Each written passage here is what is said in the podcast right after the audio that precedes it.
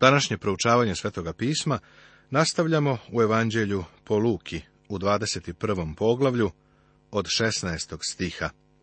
Govorimo na temu Isus odgovara kada će to biti drugi dolazak Hristov. U ovim stihovima gospod govori izraelskom narodu. Sve ovo se odnosi posebno na jevreje. Evanđelje po Jovanu u 15. poglavlju nam ovako kaže. Ako vas svet mrzi, Znajte da je mene mrzeo pre vas. Kad biste bili od ovoga sveta, svet bi ljubio svoje. Ali kako niste od ovoga sveta, nego sam vas ja izabrao od sveta, zbog toga vas svet mrzi. Ako si sledbenik gospoda Isusa Hrista, onda nećeš biti naročito popularan. Budi siguran u to. A predavat će vas i roditelji, i braća, i rođaci, i prijatelji, i ubiće neke od vas i svi će vas mrzeti zbog moga imena. Ali vam neće propasti ni dlaka z glave. Spašćete svoje duše svojom trpeljivošću. Ovi stihovi se odnose direktno na 144.000 jevreja, koji će opstati u toku velike nevolje. Trpljenje ovih jevreja bit će mnogo teže u toku velike nevolje, nego što je bilo pod nemačkim progonstvom sa pećima i koncentracionim logorima. A kad vidite da je vojska opkolila Jerusalim, onda znajte da je blizu njegovo opustošenje.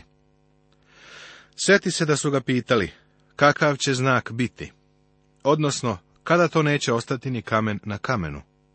Pa, to se odigralo za vreme Tita Rimljanina, koji je opkolio Jerusalim 70. godine posle Hrista. Mišljenja sam da su se mnogi ovi ljudi nekih četrdeset godina kasnije, setili Hristovih reči kada su ga gledali preko ratnih utvrđenja na jerusalimskim zidinama i vidjeli Titovu zastavu i raspoređenu vojsku.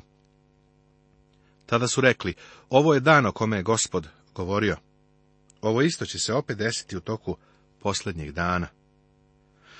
Tada stanovnici Judeje neka beže u gore, koji budu u gradu neka iziđu napolja, koji budu u polju neka ne ulaze u grad. Oni onda treba da učine ono što treba da se radi u toku velike nevolje. Treba da odu iz Jerusalima što je moguće pre. Veliki jevrejski istoričar Josif govori nam o užasnoj opsadi Jerusalima. Za vreme druge opsade grada, majke su jele svoju decu. Ljudi su umirali kao muve, a mrtvi su bacani preko zidova. Oni koji su ostali, ili su umrli od gladi, ili su prodati u roblje. Gospod ponovo crta sličicu onoga što će se desiti u posljednjim danima. Ima onih koji tvrde da se to nikada više ponovo ne može desiti. Prijatelju, desilo se jednom, to je stvar istorije. Gospod je rekao da će se ponovo desiti i ja verujem da je u pravu. Jer su ovo dani osvete, da se ispuni sve što je napisano teško trudnim ženama i dojiljama u te dane, bit će na ime velika nevolja na zemlji i gnev na ovom narodu. Pašće od oštrice mača i odvešće ih u ropstvo po svim narodima, a mnogobošci će gaziti Jerusalim, dok se ne ispune vremena mnogobožaca. Jevreji su se razbežali. Tit ih je poslao u ropstvo. Izgradili su veliki koloseum u Rimu. Veliki bol i gnev se izlio na izraelski narod. Od dana kada je Tit ušao u Jerusalim, pre oko 1900 godina, jevreji više nisu mogli da iz Jerusalima izbace neznabošce. Neznabošci su kontrolisali Jerusalim od dana kada ga je Tit pokorio, pa sve do danas. Sveta mesta u Jerusalimu držali su neznabošci. Omerova džamija stoji na mestu na kome je nekad bio hram. Gospod je rekao Jerusalimu, da će po njemu gaziti neznabošci, sve dok se vreme neznabožaca ne ispuni. Dugo već posmatram Jerusalim. Neznabošci još uvek gaze po njemu. Oni su još tamo. Zar nije zadivljujući koliko je Božja reč precizna? I bit će znakova na suncu, mesecu i zvezdama, a na zemlji strah će obuzeti narode, tako da neće imati kud od huke i morskih valova. Mislim da se ovo odnosi na posljednje dane, pre nego što se Hristos vrati na zemlju. Tako će biti u posljednjim danima. Ljudi će izdisati od straha i očekivanja onoga što ide na svet, jer će nebeske sile biti uzdrmane.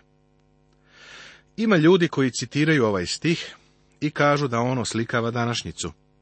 Prijatelju, ako nemaš ništa protiv, upotrebio bih svakodnevni govor sa ulice. Još ništa nisi ti video. Ako misliš da gledamo ispunjenje ovoga stiha, grešiš.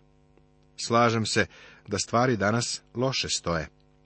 Političke krize i društveni nemiri proizvode veliku zabrinutost. Fizički nemiri su preveliki, ali će se u posljednjim danima mnogo pogoršati. I tada će ugledati sina čovečijeg, kako dolazi na oblaku s velikom silom i slavom. Hristos se može vratiti svakog trenutka. Danas se stvari tako brzo odvijaju da bi crkva, Hristovo telo, mogla biti uzeta sa ove zemlje pre nego što i završiš čitanje ovog pasusa. Ako se to desi, nadam se da ćeš biti sa mnom u Božjoj prisutnosti. A kad se ovo počne zbivati, ispravite se i podignite svoje glave, jer se približava vaše izbavljenje. Da li su ove stvari počele da se dešavaju? Ne znam. Nemam informacije iznutra. Sve što mogu reći jeste da su moje spasenje i izbavljenje sada bliži nego u vrijeme kada sam tek uzverovao. Znam da Isus ponovo dolazi, a to mi je važno. I kaza im jednu priču. Pogledajte smokvu i sva drveta. Čim primetite da pupe, sami znate da je leto već blizu. Tako i vi, kad vidite da se ovo zbiva, znajte da je carstvo Božije blizu. Još uvek smokvino drvo smatram simboličkim prikazom Izraela. Božje vreme se računa ne po nekom poznatom časovniku, nego je njegovo merilo Izrael. Drvo smokve predstavlja Izrael. Zaista vam kažem da ovaj naraštaj neće proći, dok se sve ovo ne zbude. Ovaj naraštaj bi se mogao odnositi na izraelski narod. Onda bi to govorilo o neuništivosti toga naroda ili bi moglo da se odnosi na naraštaj ljudski i njihov celukupan životni vek. U tom slučaju to bi značilo da oni koji su vidjeli početak ovih dešavanja, vidjeli bi i njihov kraj.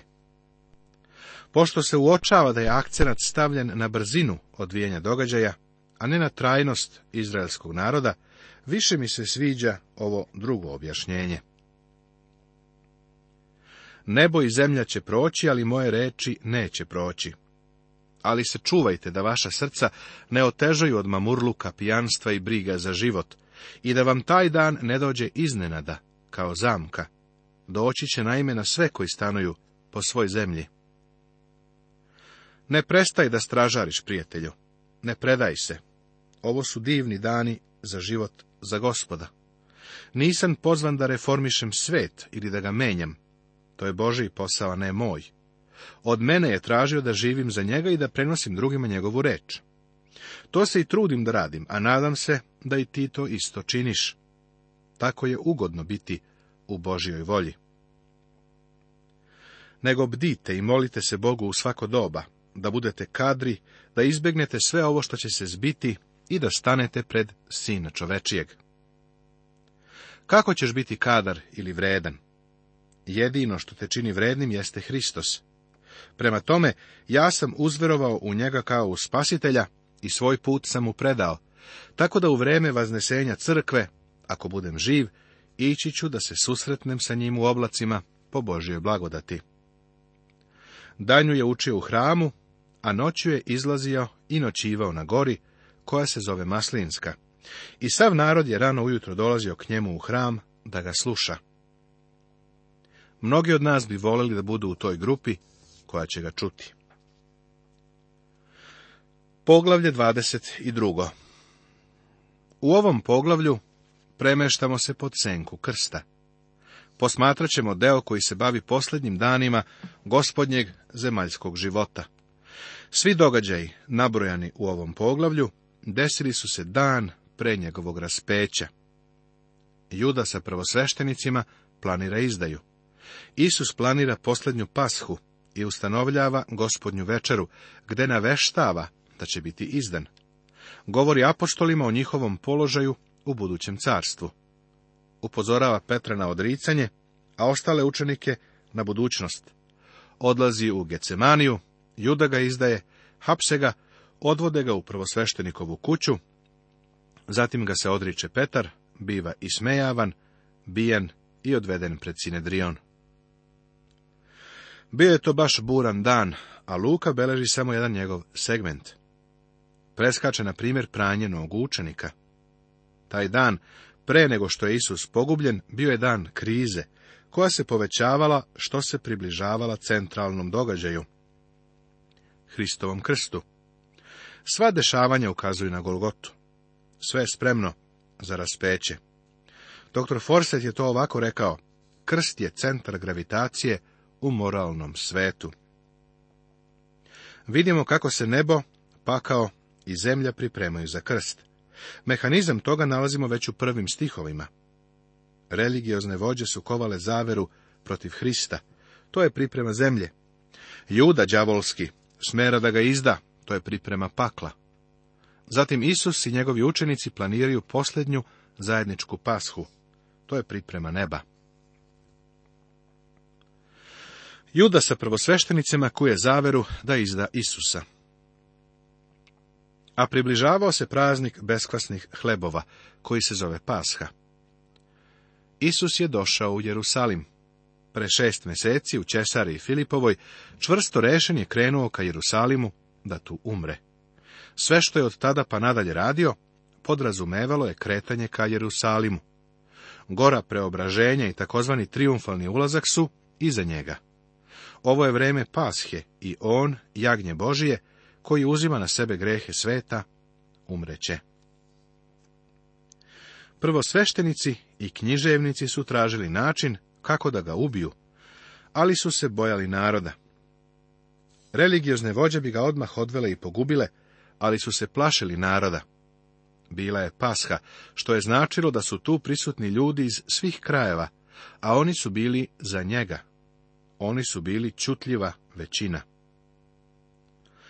Tada Satana uđe u judu koji se zvao Iskariotski, jedan iz broja dvanaestorice. Da li je moguće da hrišćanin bude demonom opsednut? Da li je moguće da Sotona ili demon uđu u hrišćanina? Odgovor je naravno ne. Međutim, moguće je da je član crkve koji nije hrišćanin, da on bude opsednut. Neki od najzlobnijih ljudi koje sam sreo nisu bili članovi mafije, niti su bili u zatvoru, već su bili, verovali li ne, članovi crkve. Sretao sam ljude u crkvi koji su po mom dubokom uverenju opsednuti demonom. Teško bi bilo objasniti njihovo ponašanje na osnovu ičeg drugog. Prijatelju, ako budeš stajao po strani, slušao kako se propoveda evanđelje, ako se ne budeš mešao sa Božijim narodom i ništa ne radio, Doći će dan kada će se Sotona useliti u praznu kuću, kao što smo vidjeli u Luki u 11. poglavlju. Jedan od sotonskih demona će se tu nastaniti. To se desilo judi, koji je izdao Isusa. On ode i dogovori se sa prvosveštenicima i zapovednicima kako će ga njima izdati. I obradovaše se, pa ugovoriše da mu dadu novaca. Religiozne vođe su se pitale kako će doći do njega? Kako će ga uhvatiti?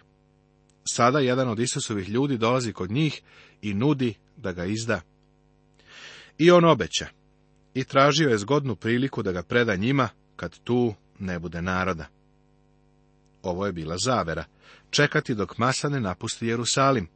Čekati dok ga ne uhvatimo nasamo, da narod ne bi znao šta radimo. Planirali su da ga tajno uhvate. Juda je trebalo da čeka na vreme i da religiozne vođe obavesti kada je pravo vreme. U stvari, to vreme nikada nije stiglo, jer ih je Isus prisilio da odmah deluju. Isus, kao što je zapisano u Jovanovom evanđelju, dao je judi komad namočenog hleba u gornjoj sobi. Kada je bila posljednja večera i rekao mu je, što činiš, čini brže, vreme je došlo, morat ćeš brzo da deluješ. I Juda je baš tako i uradio. Isus planira posljednju pashu i ustanovljava gospodnju večeru. Isus i njegovi učenici sada planiraju posljednju pashu. I dođe dan beskvasnih hlebova, kada je trebalo da se kolje pashalno jagnje. Tada posla Petra i Jovana rekavši, idite i spremite nam pashu da jedemo. A oni mu rekoše, gde hoćeš da spremimo? On im pak reče, Eto, kad uđete u grad, srešće vas jedan čovek koji nosi krčak sa vodom. Idite za njim u kuću u koju on uđe. Pa kažite domaćinu, učitelj ti poručuje, gde je dvorana gdje ću jesti pashu sa svojim učenicima? I on će vam pokazati veliku zastrtu sobu na spratu, onde pripremite. A oni odoše i nađoše, kao što im je rekao, pa pripremiše pashu. Ne vidim razloga da se u ovom odeljku pronalazi čudo. Gospod je u Jerusalimu bio mnogo puta. Poznavao je čoveka koji je bio vlasnik te gornje sobe. Siguran sam da je on rekao gospodu, kada dođeš u Jerusalim, svoje učenike dovedi ovde. Verovatno je gospod već bio uredio sa njim da koriste tu sobu, pa ga je sada obaveštavao da mu je soba potrebna a kad je došao čas, leže za trpezu i apostoli sa njime. Ovo je vreme posljednje večere i Juda je prisutan. Tada im reče, vrlo sam želeo da jedem ovu pashu sa vama pre nego što postradam, jer vam kažem, neću je više jesti dok se ne ispuni u carstvu Božijem. I uze čašu, zahvali Bogu i reče, uzmite je i razdelite među sobom. Jer vam kažem, od sada neću više piti od vinogradskog roda, dok ne dođe carstvo Božije. Za vreme pashe čaša je obilazila nekoliko puta. Mislim da je gospod u tome učestvovao do posljednje čaše. Bila je to čaša radosti. On je nije pio.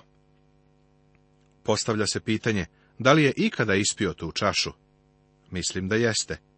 Na krstu su mu dali da pije ocat, a u jevrejima poslanici ovako piše, umjesto radosti koja je bila pred njim, podneo je krst. Na tinjajućem plamenu pashe koja se gasi, gospod Isus je rasplamtao novu gozbu, gospodnju večeru. Tada uze hleb, zahvali Bogu, izlomi ga i dade njima govoreći, ovo je moje telo koje se daje za vas. Ovo činite za moj spomen a isto tako i čašu posle večere govoreći, ova čaša je novi savez mojom krvlju, koja se proliva za vas. Gospod je uzeo dva najlomnija ili najnežnija elementa u svetu kao simbol svoga tela i krvi, hleb i vino. Za nekoliko dana i jedno i drugo će se pokvariti. Kada je podigao spomenik, on nije bio načinjen od mermere i bronze, nego od slabih materija koje prolaze. Objavio je da hleb govori o njegovom telu, a vino o krvi. Hleb govori o njegovom telu koje se lomilo. Nije se slomila kost, nego telo, jer je on učinjen grehom umjesto nas. Ne verujem ni da je izgledao kao čovek kada je skinut sa krsta. Isaija je ovako za njega rekao. Mnogi se začudiše tebi, što beše nagrađen u licu mimo svakog čoveka i u stasu mimo sinove čovečije. I ne bi obličani lepote u njega čega radi bismo ga poželeli. Vekovima je pashalna svetkovina iščekivala gospodnji dolazak i njegovu smrt. Hristos je sada u senci krsta i ovo je posljednja pasha. Pashalna svetkovina je ispunjena. Okupljamo se oko gospodnjeg stola i ispitujemo svoja srca. Ono što činimo oko tog stola je zasećanje na njega gledamo unazad na ono što je on za nas učinio na krstu i unapred na njegov ponovni dolazak. Jer kad god jedete ovaj hleb i pijete ovu čašu, obznanjujete smrt gospodnju dok ne dođe. Isus objavljuje da će ga izdati. Nego vidi, ruka moga izdajnika je sa mnom na trpezi. Onaj koji je nameravao da ga izda, bio je među njima, ima onih koji veruju da je Juda otišao pre nego što je ustanovljena gospodnja večera. Mislim da je to tačno. Luka nam ne daje hronološki red. Daje nam samo činjenice neophodne za njegov komentar. Jovan jasno pokazuje da je u toku pashe gospod uzeo namočen hleb i dao ga judi i rekao, što činiš, čini brže. Zatim je juda otišao. Sin čoveči do duše ide kao što je određeno, ali teško onom čoveku koji posreduje u izdajstvu. Tada počeše pitati jedan drugoga, ko bi od njih bio taj koji namerava da to učini. Svako od učenika je verovao da je u stanju da se odrekne Isusa i da ga izda. Ako si iskren, znaš da si i ti mogao da ga izdaš.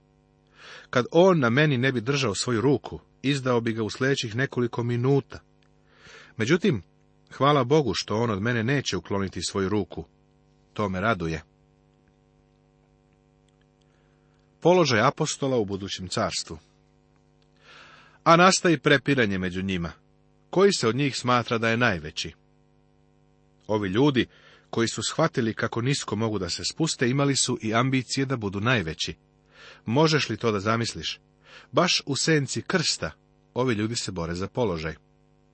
To vidimo i u današnjoj crkvi. Vernici nisu mnogo odmakli od stanja u kome su bili nekada apostoli. A on im reče, kraljevi naroda gospodare nad njima i koji imaju vlast nad njima zovu se dobrotvori. Ali vi nemojte tako, nego najveći među vama neka bude kao najmlađi, a starešina kao služitelj, jer ko je veći koji leži za trpezom ili koji služi? Nije li onaj što leži za trpezom? A ja sam među vama kao služitelj. Gospodin govori da je on zauzeo niži položaj. To se desilo kada je otišao umjesto mene na krst. To je kao kad gospodar ustaje od stola i kaže sluzi, ti sedi da jedeš, a ja ću služiti. Nastavit će se.